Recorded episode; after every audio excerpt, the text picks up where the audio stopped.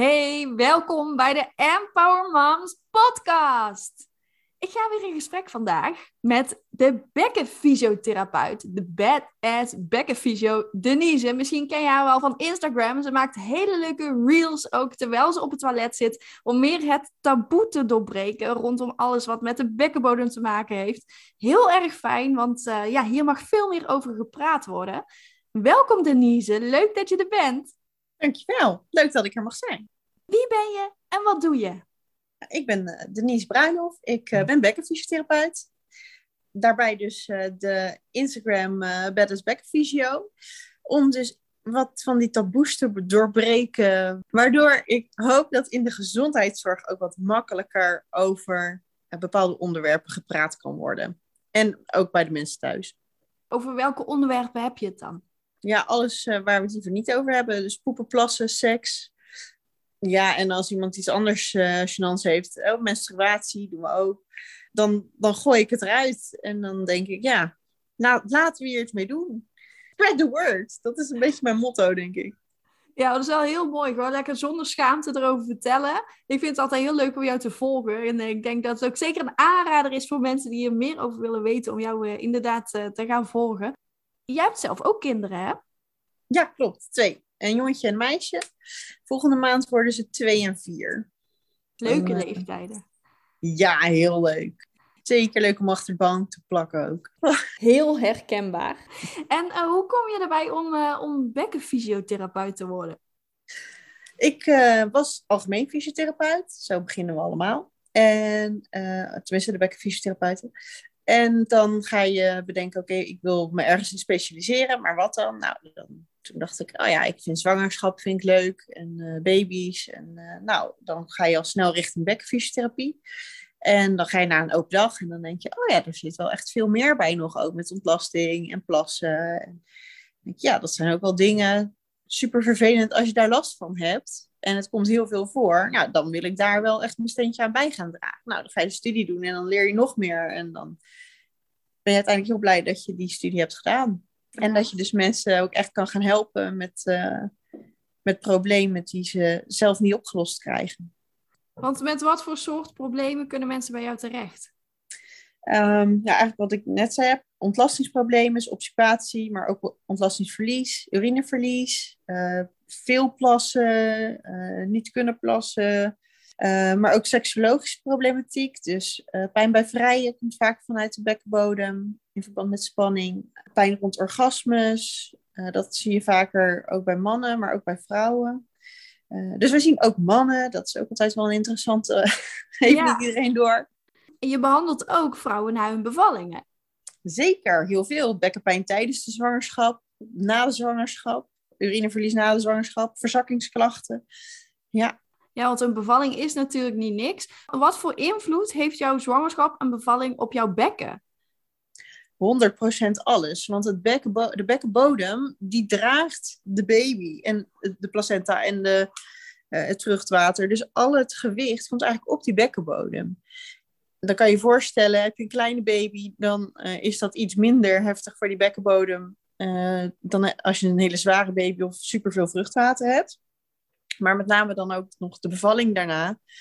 Ja, dan krijgt de bekkenbodem het zeker te verduren. En daarbij, ja, die bekkenbodem op de plek van de vagina rekt gewoon ontzettend uit. Want ja, je hebt eigenlijk geen, geen gaatje en er moet gewoon een hoofdje van, nou laten we uitgaan van 10 centimeter doorheen. En dat uh, kan zo zijn sporen nalaten. Ja, ja, en je zei ook al van uh, met zware baby's heb je meer kans dat je er last van hebt. En wat, wat zijn dan zware baby's? Een zware baby, dan gaan we uit van meer dan 4 kilo. Meer dan 4 kilo. Ja, en ook meer dan, uh, dan twee baby's. Dus uh, als je twee keer vaginaal bevalt, is er ook een vergrote kans op het ontstaan van een verzakking. En die verzakking die kan dan ook weer zorgen voor urine-incontinentie of moeite met ontlasting. Of, ehm, ja. ja, heel veel problemen eigenlijk. Ja, zelfs rugpijn kan er vandaan komen. Oké, okay, rugpijn ook. Ja, ook nog. Ja. Oh jeetje, dat hangt allemaal met elkaar samen zo. Uh, ja. En hoe zit dat met een keizersnede? Als je met een keizersnede bent bevallen? Nou, in principe is dat natuurlijk dan weer afhankelijk van is het een spoedsectio na drie dagen toch wel persen en, eh, en bevallen of is het een geplande keizersnede omdat je zwangerschapssuiker hebt bijvoorbeeld. Maar ook bij een, bij een geplande keizersnede kan het zijn dat iemand uiteindelijk een, een verzakking ontwikkelt omdat je wel die baby hebt gedragen met die bekkenbodem. Dus alles zit niet meer op zijn plek waar het daarvoor zat.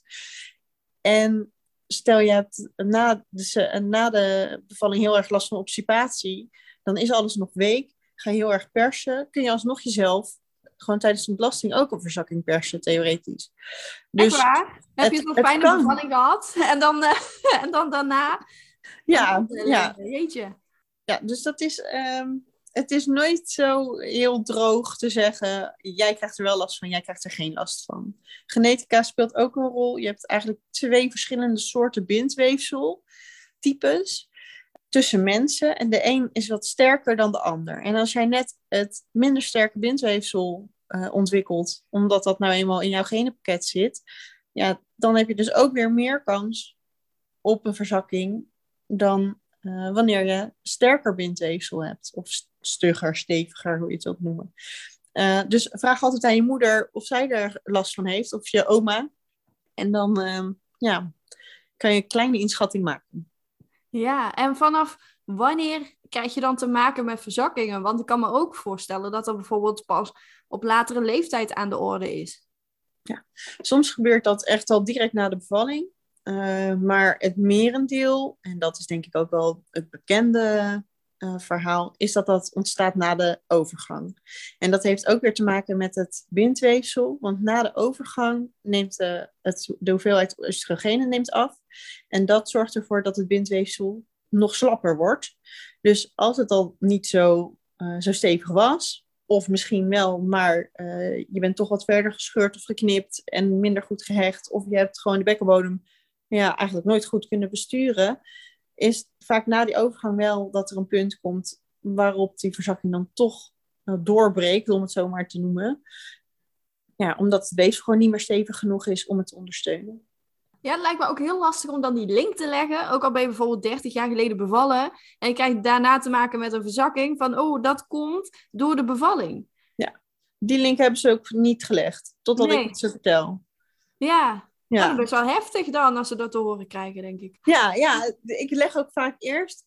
Nou, ik begin natuurlijk wel even met de klachten van iemand. En dan leg ik vervolgens uit wat die bekkenbodem doet allemaal en voor taakjes heeft. En dat ik dus, omdat al die dingen met elkaar samenhangen, dat ik alles van ze ga vragen. En niet alleen maar over de urine-incontinentie waar ze voorkomen, maar ook inderdaad over die bevallingen. Hoe gaat het met de ontlasting? Omdat vanuit het een ik iets voor het ander kan ja, kan betekenen, zeg maar. Ja, precies. Duidelijk. Mooi hoe je het uitlegt. Is er bijvoorbeeld iets wat je zelf kunt doen tijdens je zwangerschap of na je zwangerschap om uh, bekkenbodemklachten te voorkomen? Uh, dat denk ik wel. Je kan sowieso proberen al zelf je bekkenbodem aan te spannen en weer los te laten. Maar het, eigenlijk zou je voor je zwangerschap zelfs al een keer dan naar een bekkenfysiotherapeut moeten gaan. Want tijdens doen we geen inwendig onderzoek. Dan kun je dus minder goed zien hoe de bekkenbodem werkt. Ehm, dus dan zou je eigenlijk voor je bevalling even aangeleerd moeten krijgen hoe dat, uh, hoe dat je die bekkenbodem aanspant en, en weer loslaat. Vooral dat laatste is heel belangrijk, want je hebt eerst een goede ontspanning nodig van de bekkenbodem voor je hem optimaal kan gaan aanspannen. Ik begreep onlangs, volgens mij was dat ook in een van jouw lives, dat dat in eh, Amerika gewoon standaard is. Ja, ja klopt. Dat iedereen, ja. Uh, ja, ik weet niet of het Amerika was, maar in ieder geval een, van, ja, een land. Dan wordt iedereen, um, iedereen mag daar standaard naar de bekkenfysiotherapeut. Ja. de bevalling. Ja. ja, nee, voor de bevalling. Echt al dat het in het, in het oh, uh, voor de bevalling. curriculum zat. Dat ik dacht, ja, dat is echt top. En volgens mij is het Amerika omdat daar de zorg zo duur is. Dus kun je beter preventief handelen dan uh, achteraf uh, genezen. Ja. ja, ben ik voor. En bijvoorbeeld, want je hoort wel eens over uh, perineummassage of zo. Mhm. dat, dat je het perineum gaat masseren tijdens je zwangerschap om de kans op bijvoorbeeld uitscheuren te voorkomen tijdens de bevalling. Het perineum is het stukje tussen de anus en de vagina. Hè? Dat, dat, dat stukje huid. Voor mensen die niet weten wat het is, dat kun je dus masseren tijdens je zwangerschap, zodat je minder kans hebt op uitscheuren. Heeft dat invloed ook op je bekkenbodemspieren? Dat dat bijvoorbeeld bevorderlijk is daarvoor? Nou, het perineum is eigenlijk het centrum van de bekkenbodem. Dus daar komen de bekkenbodemspieren samen. En uh, dus als je daar masseert, doet dat zeker iets op de bekkenbodem. Het is niet dat ze daar sterker van worden, want als je een spier masseert, wordt die niet sterker. De bekkenbodem is namelijk een spier, net zo goed als je nekspieren, je beenspieren, je bilspieren. En op het moment dat je dat gaat masseren, dan kun je dat vergelijken met het rekken van je kuiten of van je hamstrings, waardoor je op een gegeven moment, terwijl je eerst 10 centimeter boven de vloer bungelt met je handen, ineens de grond aan kan raken. Dat geldt ook voor die bekkenbodem. Als je masseert en rekt, dan kun je dus in eerste instantie maar een klein beetje rek hebben en dat kun je uh, vergroten. De vraag is, op het moment dat jij daarmee begint met uh, tijdens je zwangerschap, heb je dan voldoende tijd om echt zoveel rek te creëren dat op elk moment voldoende rek kan hebben, ook op die bekkenbodem. On, ongeacht hoe groot jouw baby is. En hoe jij perst. En hoe de omstandigheden tijdens jouw bevalling verder zijn. Het is, het is zeker een aanrader, denk ik. Uh, en er zijn ook echt wel positieve verhalen over bekend. Specifieke getallen ken ik niet. Maar um, ja, niet geschoten altijd mis. Ja, precies. Dus eigenlijk zou je het wel aanraden, Ja. maar je weet gewoon niet wat voor effect het heeft. Want je kan het ook pas vanaf 37 weken doen natuurlijk. Ja, nou, het heeft wel, het heeft wel een positief effect. Alleen, ja, ik vraag me af als ik het vergelijk met een, elk andere spier, hoe groot het effect van puur de eh, massage echt is. Ja. Maar er, er zijn wel, er, er- kijk, ik ken zelf niet de exacte getallen, eh, maar er zijn wel positieve onderzoeken. Dus ja, doe het, zou ik zeggen. Ja. En, en na je bevalling, vanaf hoeveel weken kun je dan starten met het trainen van je spieren, van je bekkenbodemspieren? Eh, praktisch eigenlijk direct na je bevalling. Dat is onderzocht. Het aanspannen van de bekkenbodem doet geen pijn. De vraag is alleen, tijdens zo'n bevalling staat die eh, bekkenbodem op rek. Dus de eh, zenuwen die daarin zitten, staan ook op rek. Die zenuw kan in principe 10% rek hebben voor ongeveer een uur. Duurt jouw eh, uitdrijvingsfase dus echt het persen langer dan een uur? of heb jij dus een grote baby, waardoor die bekkenbodem langer of verder op rek staat, dan kan het ervoor zorgen dat weer helemaal geen gevoel hebt in je bekkenbodem. Zeker als je gescheurd of geknipt bent. Ja, waar zit je bekkenbodem? Kan je hem nog wel vinden. Maar probeer het wel. En dan hoef je van mij echt niet meteen eh, drie keer per dag eh, een eh, bodybuild schema, zoals ik dat dan altijd noem, aan te houden. Maar wel dagelijks gewoon even proberen. Oké, voel ik daar al wat? En, en kan ik hem aanspannen? Kan ik mijn plas proberen op te houden? Dat is eigenlijk dan de, de actie die je, die je doet. Of juist kan ik proberen een windje in te houden. En dat hoor je eigenlijk de eerste weken, dat dat gewoon moeilijk is. Zeker die windjes inhouden is, eh, is vaak een probleem. Alleen voordat je dan echt een afspraak maakt bij de bekkenfysio, ben je vaak zes weken verder. Ja, precies. Want je, je zou het wel aanraden om pas echt na zes weken langs te gaan bij, je, bij een bekkenfysiotherapeut.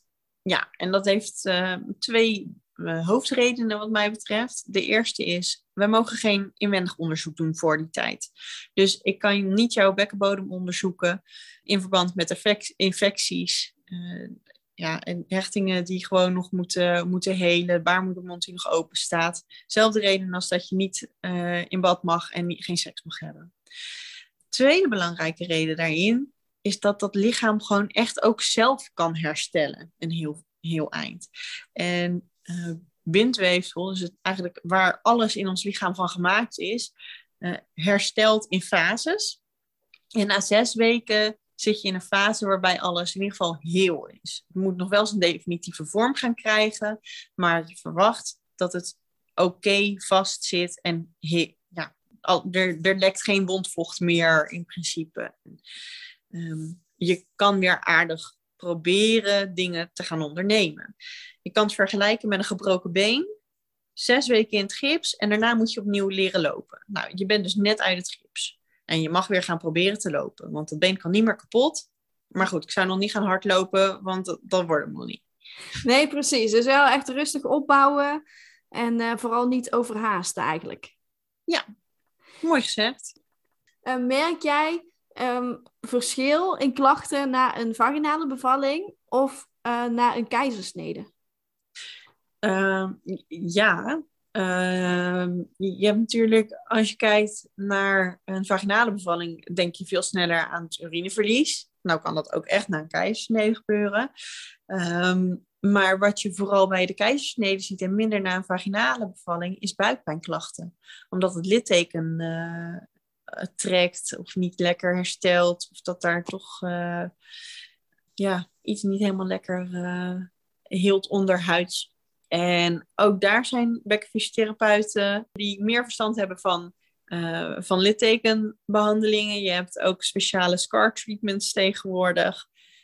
Die zijn niet heel ver verbreid door het land te verkrijgen. Maar ja, de bekkenfysio kan daar vaak ook echt wel wat mee.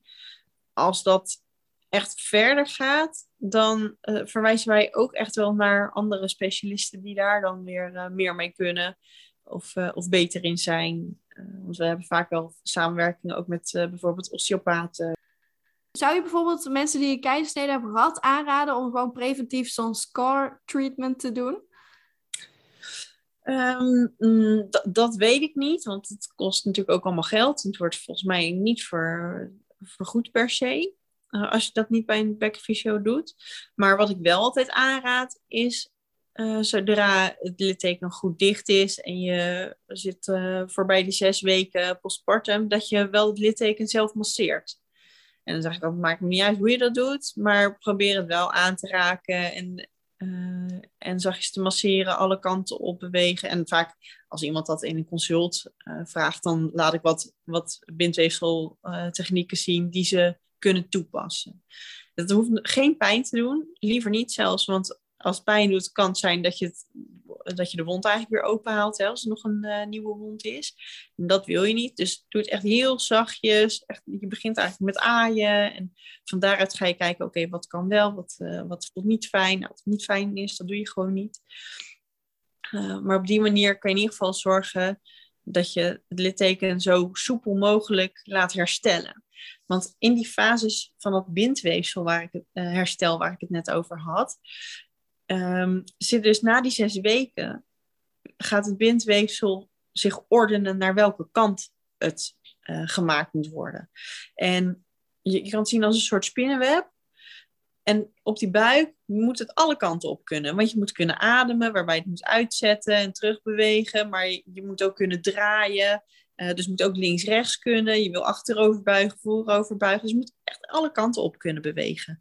En op het moment dat je dat met een stukje bindweefsel niet doet, dan wordt het bindweefsel dus niet in al die richtingen aangelegd. Waardoor je daar last, later weer last van kunt krijgen. Ja, goeie. Dus eigenlijk ook, ook bewegen is daarin heel belangrijk. Ja, en niet te snel, hè, want je hebt wel een buikoperatie gehad en dat is ja. echt heftig.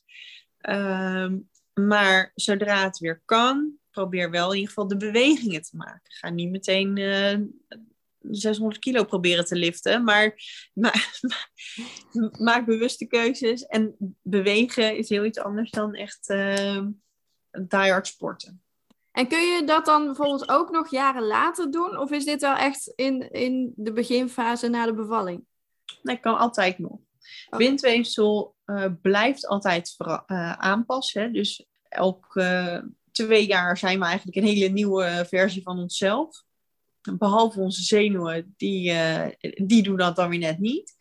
Maar je kan dus Um, en dat geldt voor een litteken, dat geldt voor een diastase, waarbij uh, de buikspieren niet goed bij elkaar zijn gekomen. Dat blijft ontwikkelen. Dus zolang jij daaraan blijft werken, kan het verbeteren. Mooi om te zien dat je gewoon ook heel veel zelf kunt doen. Ja, dat het gewoon mogelijk is om überhaupt van, van al die klachten af te komen. Hoeveel procent van de vrouwen ervaart bekkenbodemklachten na de bevalling? Is dat bij iedereen? Of is dat maar echt een gedeelte? Ehm, nou, het is lastig te zeggen ehm, welk deel echt direct door de bevalling komt, omdat ik het idee heb dat praktisch iedereen uiteindelijk last krijgt van zijn bekkenbodem.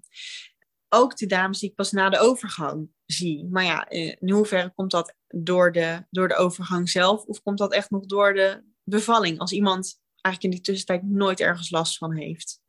Ik durf niet te zeggen wat daar de exacte cijfers van zijn. Uh, er zijn zeker wel cijfers voor puur verzakkingsklachten of puur urineincontinentie.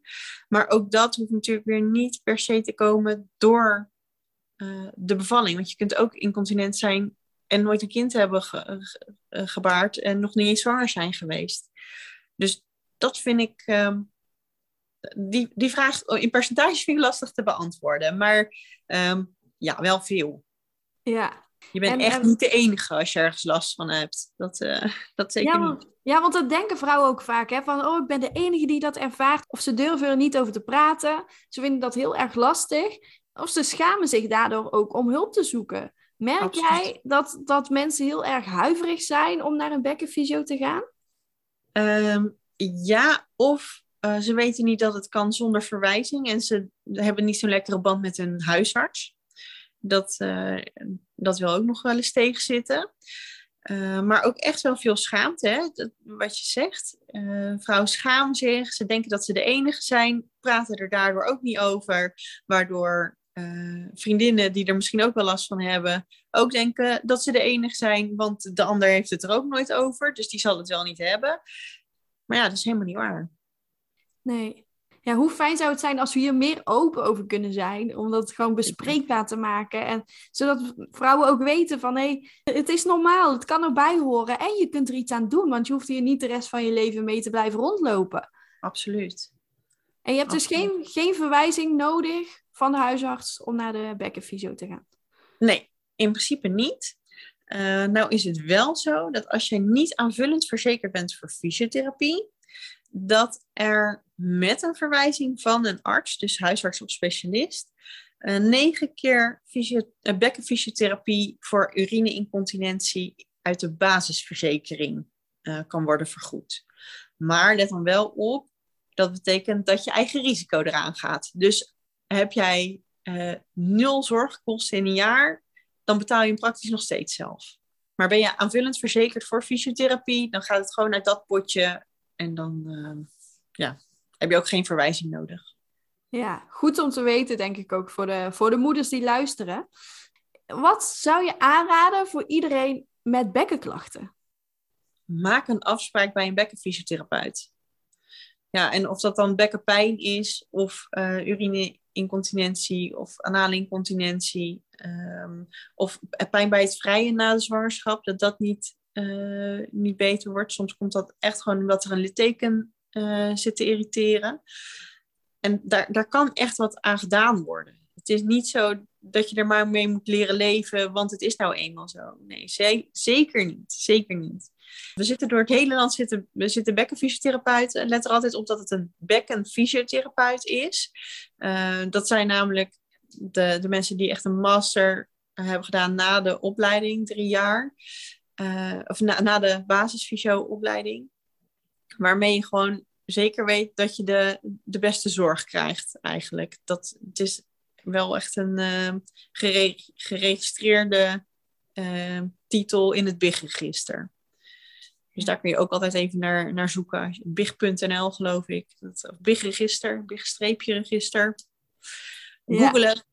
Goeie. Ja, dus echt zoek hulp. Blijf er vooral niet mee rondlopen. En nee. uh, trek aan de bel. Ja, ja. mooi. Als jij een, een nummer één tip zou mogen geven hè, aan, aan moeders die luisteren. Wat is dan jouw nummer één tip om om te gaan met bekkenklachten na de bevalling? Uh, maak uh, zodra je bevallen bent, nou, en weer een beetje boven water, hè, dus na een week of uh, drie, vier, maak alvast een, post, een afspraak voor een postpartum consult. Om gewoon even die bekkenbodem te laten checken. Ook al heb je nergens last van, zou ik zeggen, laat er gewoon een keer naar kijken. Dan kan je ook vragen stellen over eventueel wanneer je weer kan gaan sporten, als je dat zou willen. En je weet ook gewoon, oké, mijn bekkenbodem doet het of hij doet het niet.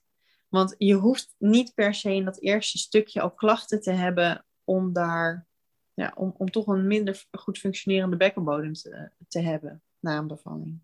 En heel veel vrouwen zijn ook geneigd om heel snel weer van alles te willen doen na hun bevalling. Dat ze meteen de eerste dag ook weer uh, hun kind lopen te verzorgen. En, ja, uh... doe het niet. Nee. Nog tip. Nee, drie dagen bedrust met wc-verlof. met ja. wc-verlof. je mag niet ja. naar de wc. Nee. nee, je ligt gewoon drie dagen na je bevalling lekker in bed en je mag alleen maar naar de wc. Verder niet. Dus ook want het eerste, allereerste herstel van dat bindweefsel is de eerste drie dagen. Dus als jij op een open wond de hele tijd rek gaat zetten, dan blijft die wond open. Nou, ga jij staan, krijg je druk op je bekkenbodem. En dat is je wond op dat moment. Dus ja, drie dagen in bed liggen. Ja, bedrust. Wel naar de wc. Graag naar de wc. en daarna weer terug naar bed. Zeker. En in bed gewoon lekker knuffelen met je kindje, maar je kraamzorg is er niet voor niks. Je partner die, uh, die mag tegenwoordig ook steeds langer thuis blijven, dus maak er ook gewoon misbruik van. En uh, herstel. Ja, heel belangrijk. En waar kunnen we je volgen? Als moeders denken van, nou, ik wil hier meer over weten. Ik wil die reels wel eens bekijken van de Badass Bekkenfysio over uh, ja, de bekkenbodem. Waar kunnen ze je dan vinden? Uh, op Instagram, badass-bekkenfysio. Um, ja, en er moet ook een Facebook zijn, maar dat is mij nog niet gelukt om daarop te komen. Dus, maar je kan, ja, ik neem aan dat, je, dat ik daar ook dan te vinden ben via die, uh, diezelfde naam. Dus um, lukt het je, laat me dan wel via Instagram ook even weten dat het bestaat. Maar ik, ik weet dat er soms iets geliked wordt op, uh, op Facebook, maar ik kan zelf niet inloggen. Dus ik, dat is ah. mijn uh, social media probleem. Maar in ieder geval op Instagram kunnen we je wel vinden. En um, ja, je bent zelf ook werkzaam als bekkenfysiotherapeut. Um, in, in welke plaats ben je werkzaam? Op dit moment Rijswijk en Pijnakker. En dat wordt ook nog um, uh, Zoetermeer. Oké, dus daar kunnen ze jou ook vinden. Ja, fysiopelvis. Nou, super. Ik wil je enorm bedanken, Denise, voor dit gesprek. Ik hoop dat we ouders um, ja, hebben kunnen informeren over dat ze niet met bekkenbodemklachten hoeven blijven rondlopen en dat er daadwerkelijk iets aan te doen is. Dus neem vooral ook contact op met een bekkenfysiotherapeut in de buurt. Hoeft niet eens met doorverwijzing te zijn. Hoe fijn is het als je gewoon weer zonder pijn door het leven kan gaan? En zonder plassen op de trampoline kan springen. Nou, precies dat. Lekker met je kind springen op de trampoline of touwtjes springen of wat dan ook. Dus weet dat dat mogelijk is. Dank je wel hiervoor. En jullie ook allemaal bedankt voor het luisteren naar deze podcast. Wil je meer weten over Denise? Volg haar dan zeker op Instagram. En wil je meer weten over mij en wat ik voor je zou kunnen betekenen? Ga dan naar empowermoms.nl of eh, zoek me op op Facebook of Instagram op empowermomsnl. Bedankt voor het luisteren en tot de volgende keer.